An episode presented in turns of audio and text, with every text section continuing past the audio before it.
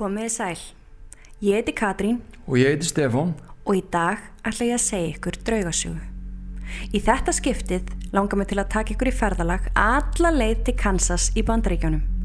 Þar, í litlum smábæ við hljóðulega fjölskyldugötu, situr gamalt, hvít timburhús. Þegar þú gengur framjá því í dagspyrtu er ekki víst að þú takin eitt sérstaklega eftir því, en um leið og myrkrið skellur á er eins og húsið týnist á milli trjána. Engin ljós er í glöggum, engin hljóð berast nágrunum og ekkert líf er að sjá. En þarna setur það, 150 árum setna og engin veit fyrir víst hvaða hræðilegu atburðir áttu sér þar stað þegar hurðin var lokuð og læst. Þau hafa séðana, læðast um gangana glottandi, en móður hennar mun ekki kvílast fyrir en hemd er náð. Þetta er sagan af The Sally House.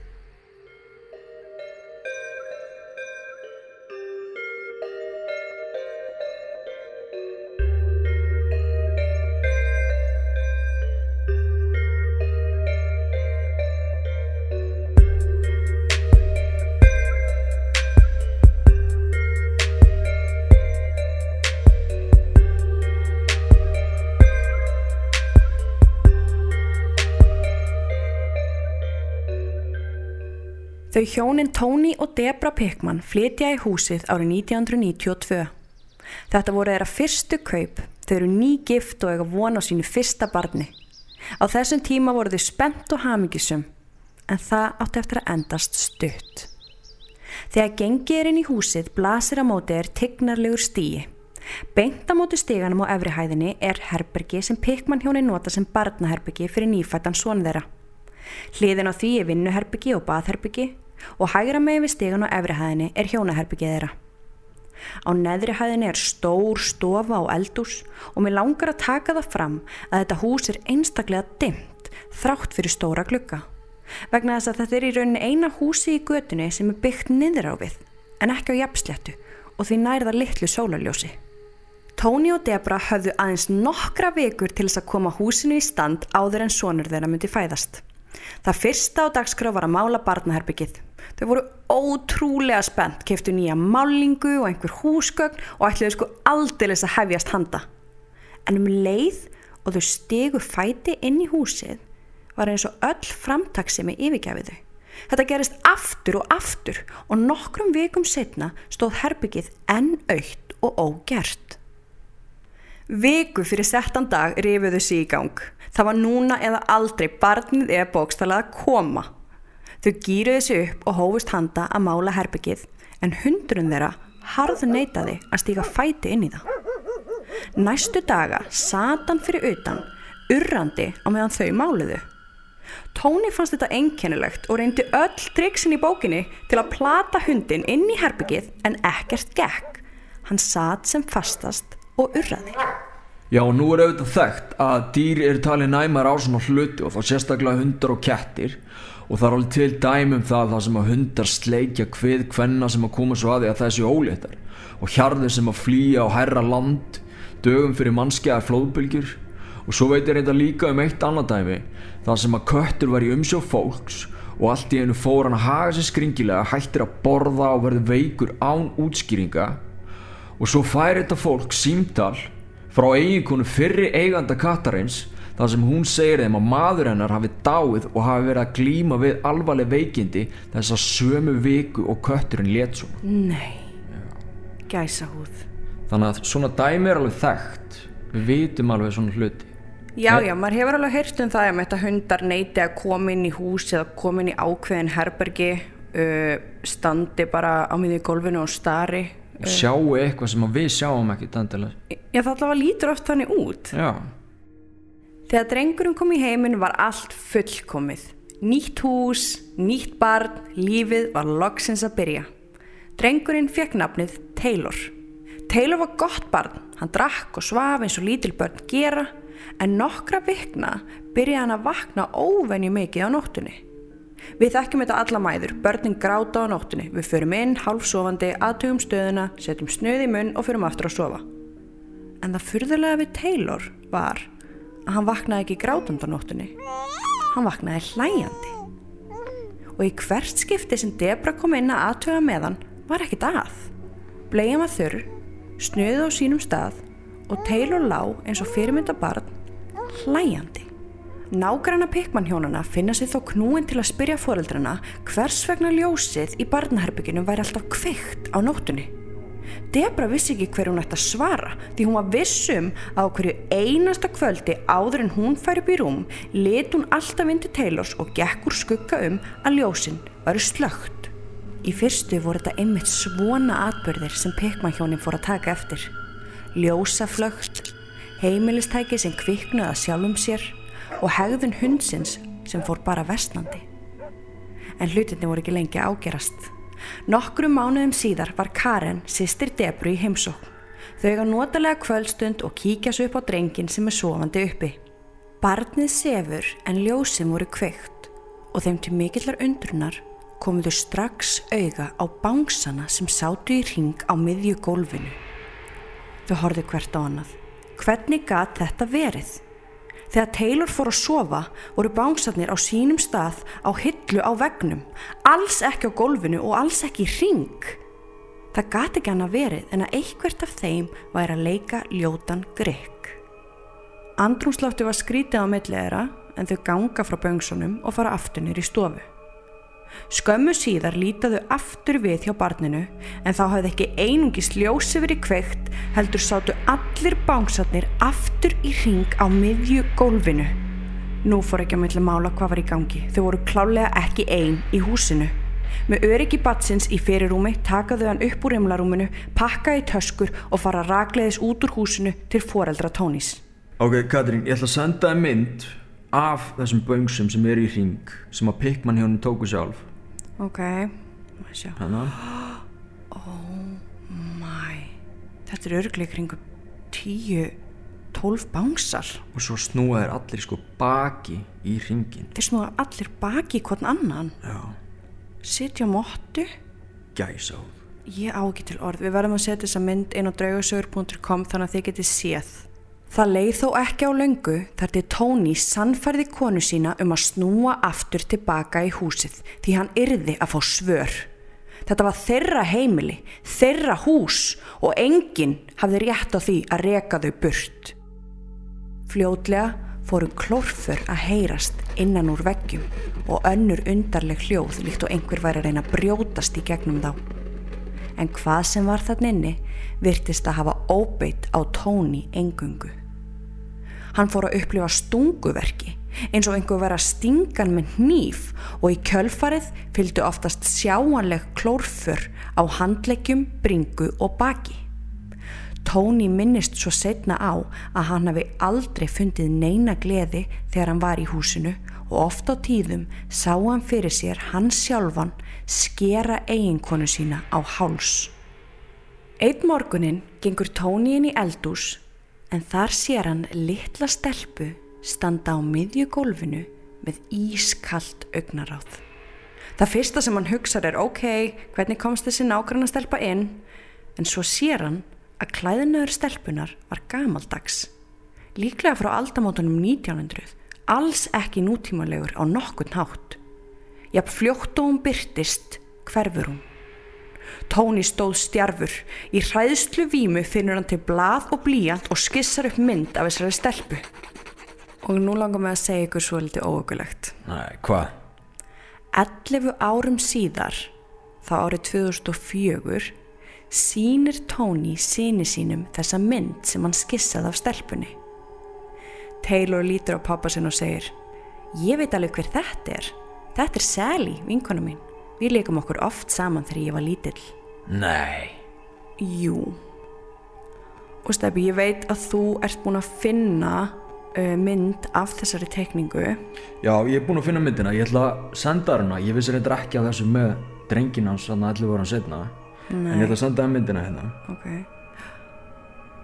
Vá, Tony var sem sagt mjög flinkur teiknari líka. Greinilega. Þetta er sem sagt mynd af stelpu með svolítið hrokkið hár, dögt, uh, stutthærð, greinilega einhver slaufa í hárinu, Já, og greinlega einhverjum svona gamaldags kjól með risastór augu.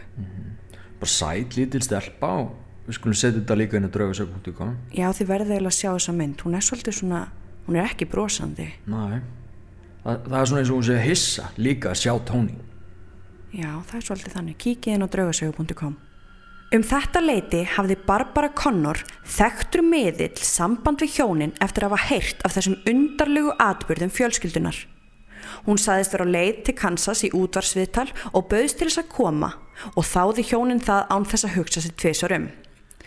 Nú hefur kannski fólk mismunandi skoðanir á miðlum almennt en Barbara hafði á sér gott orðspor á þessum vettfangi og ef einhver þótti trúverðuleg þá var það hún. Barbara segist að hafa komið auga á stúlku barn í glugganum á barnaherbyrginu þegar hún gekk inn í húsið. Hún segir hjónunum að andi stúlkunar beri nafnið Sally og hafi sett sér það sjálfskeipaða verkefni að passa Taylor, barnið þeirra, og þurftu stundum að tósa í klæði foreldrana, kveikja á eldústækjum og ryggsugum í þeim tilgangi að ná aðtikli þeirra hjóna. Andi stúlkunar sé ekki á leiðinni neitt og hafi verið hér löngu áður en pekmannhjónin fluttu inn. Hjónin þurfi því núna að taka ákverðun um hvort að þau vilji búa í húsinu með þessum draug eða fara. En ef þau skildu vennjast þessum gesti þurfi þau bókstaflega viðukennana sem ein af þeim.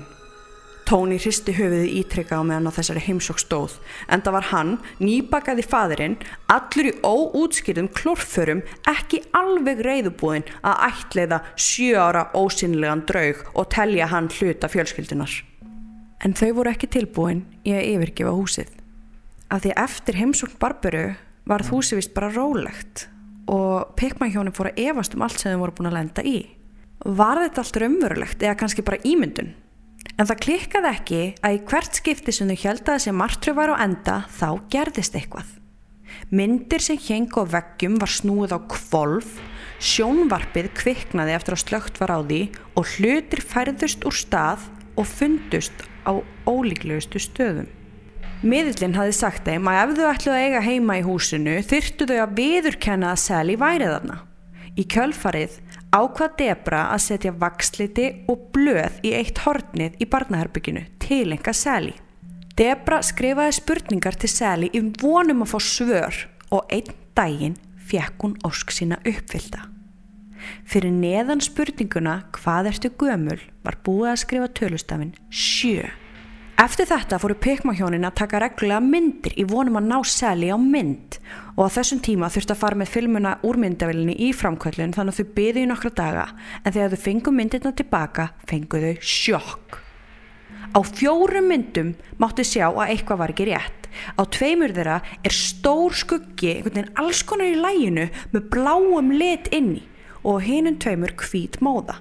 Og eftir að hafa skoðað þessa myndstæpi mm -hmm. þá finnst mér sko þessi, þessi svarti skuggi hann er hann er svona allskonar hann svona umlikur bara svona eitthvað ákveði svæð já og einhvern veginn líka fer svona upp og niður. Þetta er ekki bara eitthvað svona stór skuggi í einu hotni heldur er þetta svona skuggi sem einhvern veginn dreifir úr sér svolítið eins og hann sem er hendur eða mm -hmm. einhverja svona útlimi. Á fyrðulegum stöðum. Og mér finnst þetta alls ekki vera skuggi af einhverju lítilli stelpu. Mér finnst þetta einmitt vera mér finnst þetta vera eitthvað svona þetta er eitthvað djöfulegt, þetta er eitthvað ljótt. Þau fóru með þessa myndir til sérfræðinga sem gáttu ekki útskýrtar.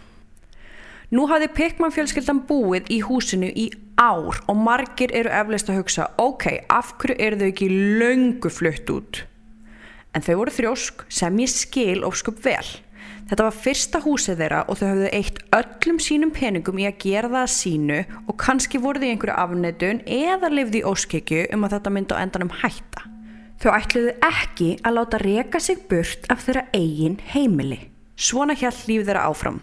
Ljós kviknuðu í tíð og ótíma, Taylor brosti og hlóaði einhverju sem þau sáu ekki, hlutir tíndust og heimilistæki virtustur með sjálfstæðan vilja.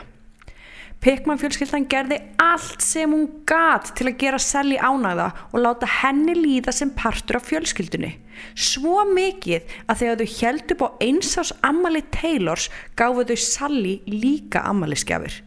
Það má alveg deila um hversu langt þau gengur með þetta en ég held að það sé erfitt að setja sig í þessi spór.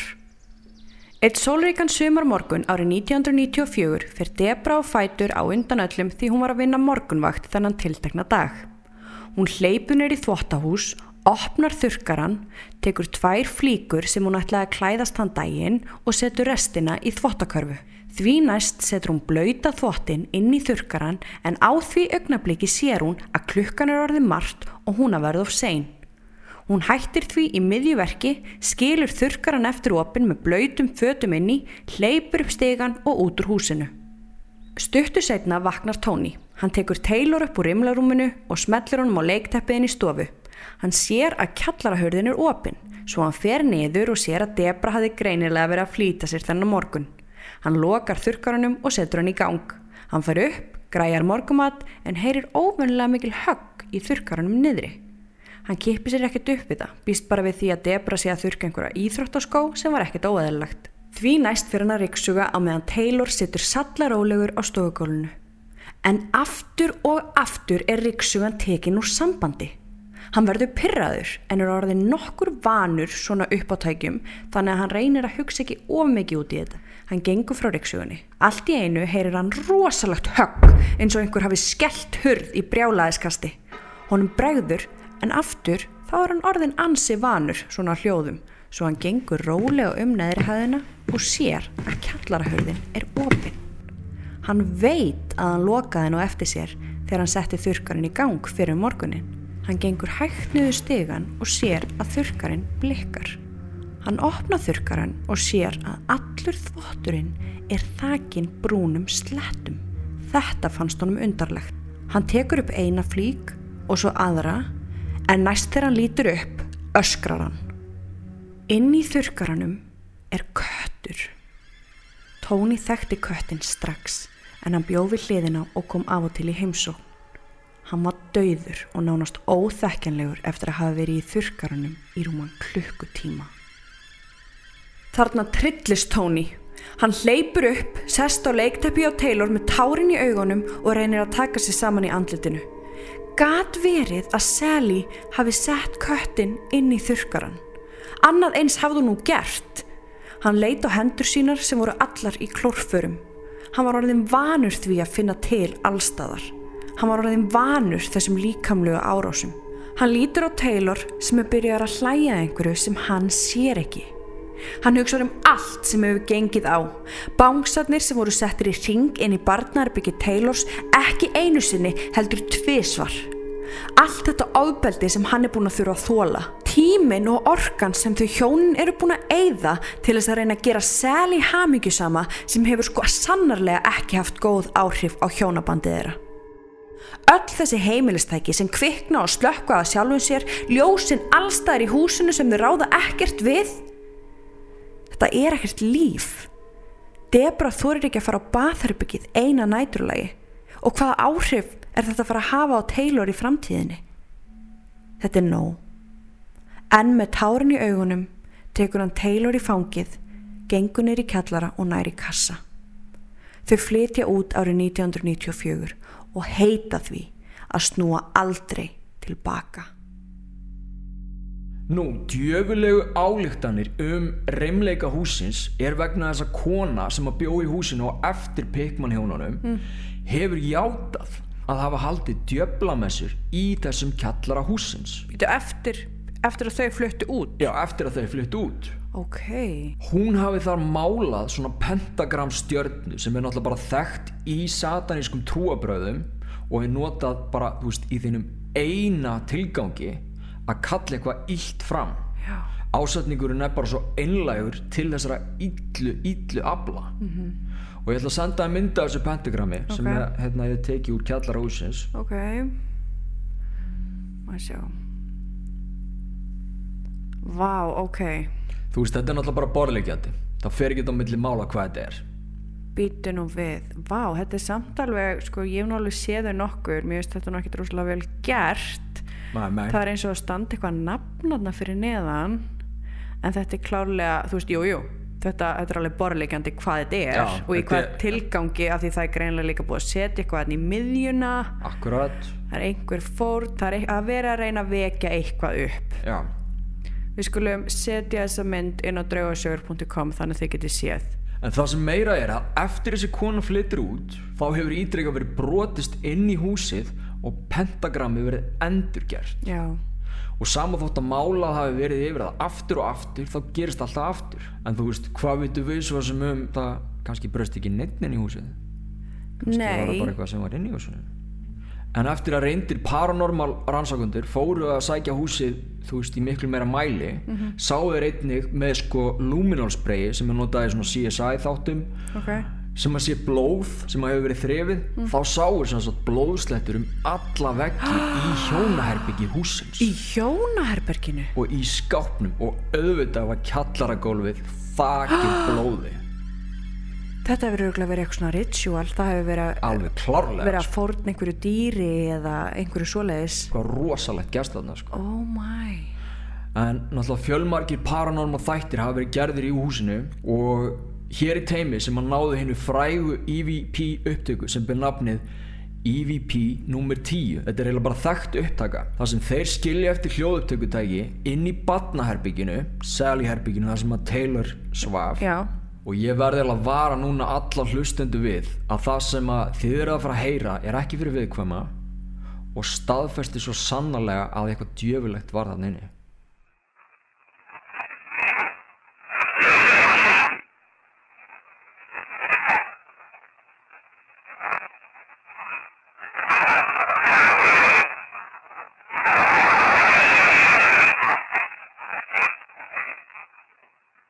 Veistu það, ég er bara í áfalli hérna. Þetta er svo mikil ángist, þetta er svo mikil, þetta er svo mikil, þetta er svo sárt. Já Finnst þér það ekki? Þetta, þetta hljómar er svo skrýmsli að bara ráðast á eitthvað.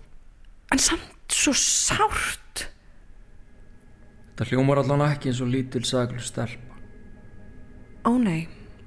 Ok, nú ert þú að segja mér að í rauninni eftir að Pickman hjónin flytja út Já. að þá flytur þessi djöfladýrkandi inn í húsið og er með þessar djöflamessur Já. og er greinilega að vekja upp eitthvað sem á í rauninni ekki að vekja upp Nei, hún er að kalla eitthvað fram, greinilega. hún er að kalla eitthvað fram en þetta gerist eftir að Pickman hjónin eru flutt út það sem ég er spá er að þegar þau byggu þarna þá fengu þau miðil sem sagðist sjá þessa stelpu þessa Sally en ég fann reyndar svona off the record uh, viðtal við hana þar sem hún segir að hún hafi fundið eitthvað annað í húsinu, ekki engungu Sally heldur eitthvað annað líka. Ú, en það er ekki tekið fyrir hvað það er. Og ef ég bara horfi á allt sem pikmahjónin þurfti að gangi gegnum eins og til dæmis ok, klórið inn í vegnum já. mér finnst það mér finnst það ógulegt, mér finnst það skrítið mér finnst það ekki endilega hljóma eins og lítil stelpa Nei. uh, myndirnar sem voru teknar Já. þessir svörtu skuggar með þessa útlimi Akkurat. uh, það sem ég er raunin að spá er mögulega var eitthvað djöfulegt inn í húsinu á meðan Pekman hjónin bjökuð þarna Allan tíman. já, Ok, nú spyr ég, hver er þessi Sally? Og ef að það eina sem hún vil er að vera partur af þessari fjölskyldu, akkur hún þá að beita tóni svona miklu ofbeldi? það er nefnilega góð spurning til þess að svara því þá þarf ég að fara með þig halla leið aftur uh, í kringum aldamótin 1800 Ok. Eh, en þá bjó í húsinu læknir að nafni Charles Finney og þetta hús var ekki engangu heimilið hans heldur var þetta líka læknastofan þar sem hann tók á móti sjúklingum Kvöld eitt þegar Charles er að gera sér tilbúin í háttin er bankað á útidirnar honum bregður enda átt hann ekki vona á gestum svona seint um kvöld Aftur er bankað og núna fylgir því öskur. Þú verður að hjálpa barninu mínu, læknir. Þú verður að hjálpa henni. Læknirinn opna dyrnar og þar stendur móðir með sjöra dóttur sinni í fanginu sem grætur og emjast um af sásöka. Læknirinn vísar þeim snarlega inn, tekur við stelpunu og skoðar hana. Hann telur móðurinni trúum að dótturinn sé að fá botlangakast og það þurfa fjarlæga hann strax. Stelpan öskrar af sásöka þegar Charles leggur hann á skurðborðið og byrjar að sprauta hann á sveflifi. Hann býður ekki eftir að sveflifi virki, heldur byrjar strax að skeri magan á henni. Stelpan urlast úr sásauka, öskrar og grætur og kallar á mömmu sína en allt í einu er þögn. Stelpan liggur líflösa skurborðinu með opin augu, stjörf. Hún var dáin og það seinasta sem hún sá var ókunnugu maður að kvæljana. Móðir stúlkunar trillist, hún ræðst á læknin öskrandi en í þeim átökum deyr hún sjálf. Lækninin flytur úr húsinu skömmu setna. Þessi stelpa sem dóð þetta kvöld í höndum Charles hétt Sally. Ok, þetta er nú bara, þú veist, versta, hræðilegasta martröð allra foreldra. Þetta er skjálfilegt. Ég veit það, en þetta verður verra. Hættu. Förum ennþá lengra aftur í tíman. Ok. Þegar læknirinn Charles Finney var ungur drengur, þá átt hann heima í þessu húsi með móður sinni og yngri bróður. Móður hans var ekki heil á geði og glýmdi við alvarleg andleg vandamál. Eitt kvöldið, þegar Charles Finney er ekki heima, reynir hún að fremja sjálfsmorð. En hún reynir ekki bara að drepa sig, heldur yngsta svonsinn líka, litla bróður Charles. Hún kveikir á gasinu og leggst með senu sínum í rúmið. Hann deyr en hún lifir af. Nokkrum árum setna deyr hún líka í þessu húsi í umsjón svona síns Charles Finney. Þannig að þessi læknir var í rauninni búin að búa þarna allt sitt líf. En nú vil fólk meina að það sé móðir Sally sem gengur um húsið, klórar menn, ösku ill yfir örlugum dóttur sinnar eða jafnvel móðir læknisins. Já, þá vil ég einmitt koma einskott. Það er svo margir sem halda nefnilega öll hræðilega útlítandi eða gömul hús séu reynd eða þá bara allir sem deyja verða draugar. Þetta er náttúrulega bara ekki rétt. Því náttúrulega eftir, þú veist, yfir 70 ára sögur ansókna á reymleikum þá er allavega allir sem að koma sér saman um það að það er oftast húsi sem að allir áttu síst vona á Já. sem er reynd. Heimlið þurfa ekki að vera eitthvað frábröðin öðrum í hverfinu eða þakki kongulofvefjum því að getur alveg verið nýtt og það getur verið gamalt þú veist, það veitir henni engin svo það að fara næsta eyðibíli við þjóðvegin þýðir, þú veist, ekki að það sé draugagangu þar. Nei, er að segja að það hefur ekkert komið fyrir þar engin döðsfell eða slis heldur bara einhver bóndi sem var bara að hafa gott með rollanum sínu þá var það alltaf reynd en eins og við höfum áður sagt þá er draugagangur oftast tengdur morðum, slisum sjálfsvígum og svona öðrum ótímabærum döða svona eins og eiginlega bara frávik í þessu lífsferli okkar og sérstaklega þegar atbyrjun er óupplýstur eða þá viðkomandi hafi átt eitthvað eftir ógert og þá hljóma svolítið eins og þessi móðir sem hafi látið lífið í þessum átökum við læknin á sama klukkutíma og dóttir hennar deyr í hans höndum sé bara bókstallega að ganga aftur og ná hendum á öllum kallmönnum sem stíga fæti inn í þetta hús Og ég skil hana bara ósköp vel, sko. ég líka ég myndi gera það sama Ég líka. Í dag er húsið kallað The Sally House og stendur aukt. Ég fann ekki út hverjir eigundur húsins eru í dag en ég veit að það er opið gestum bæði dag og nótt. Fólk getur sér dagstúr eða leikt húsið yfir nóttina. Þetta er að sjálfsögðu draumur allra þeirra sem vilja reyna að ná sönnunum um að það sé eitthvað aðna úti sem við höfum ekki skýringu á og að mögulega sé líf eftir dauða. Listin yfir atbyrði sem hafa gerst í húsinu til dagsins í dag er endalus. Kamerur verða batterislausar um leið og gengið er inn í húsið og hljóðbúnaður hættir að virka.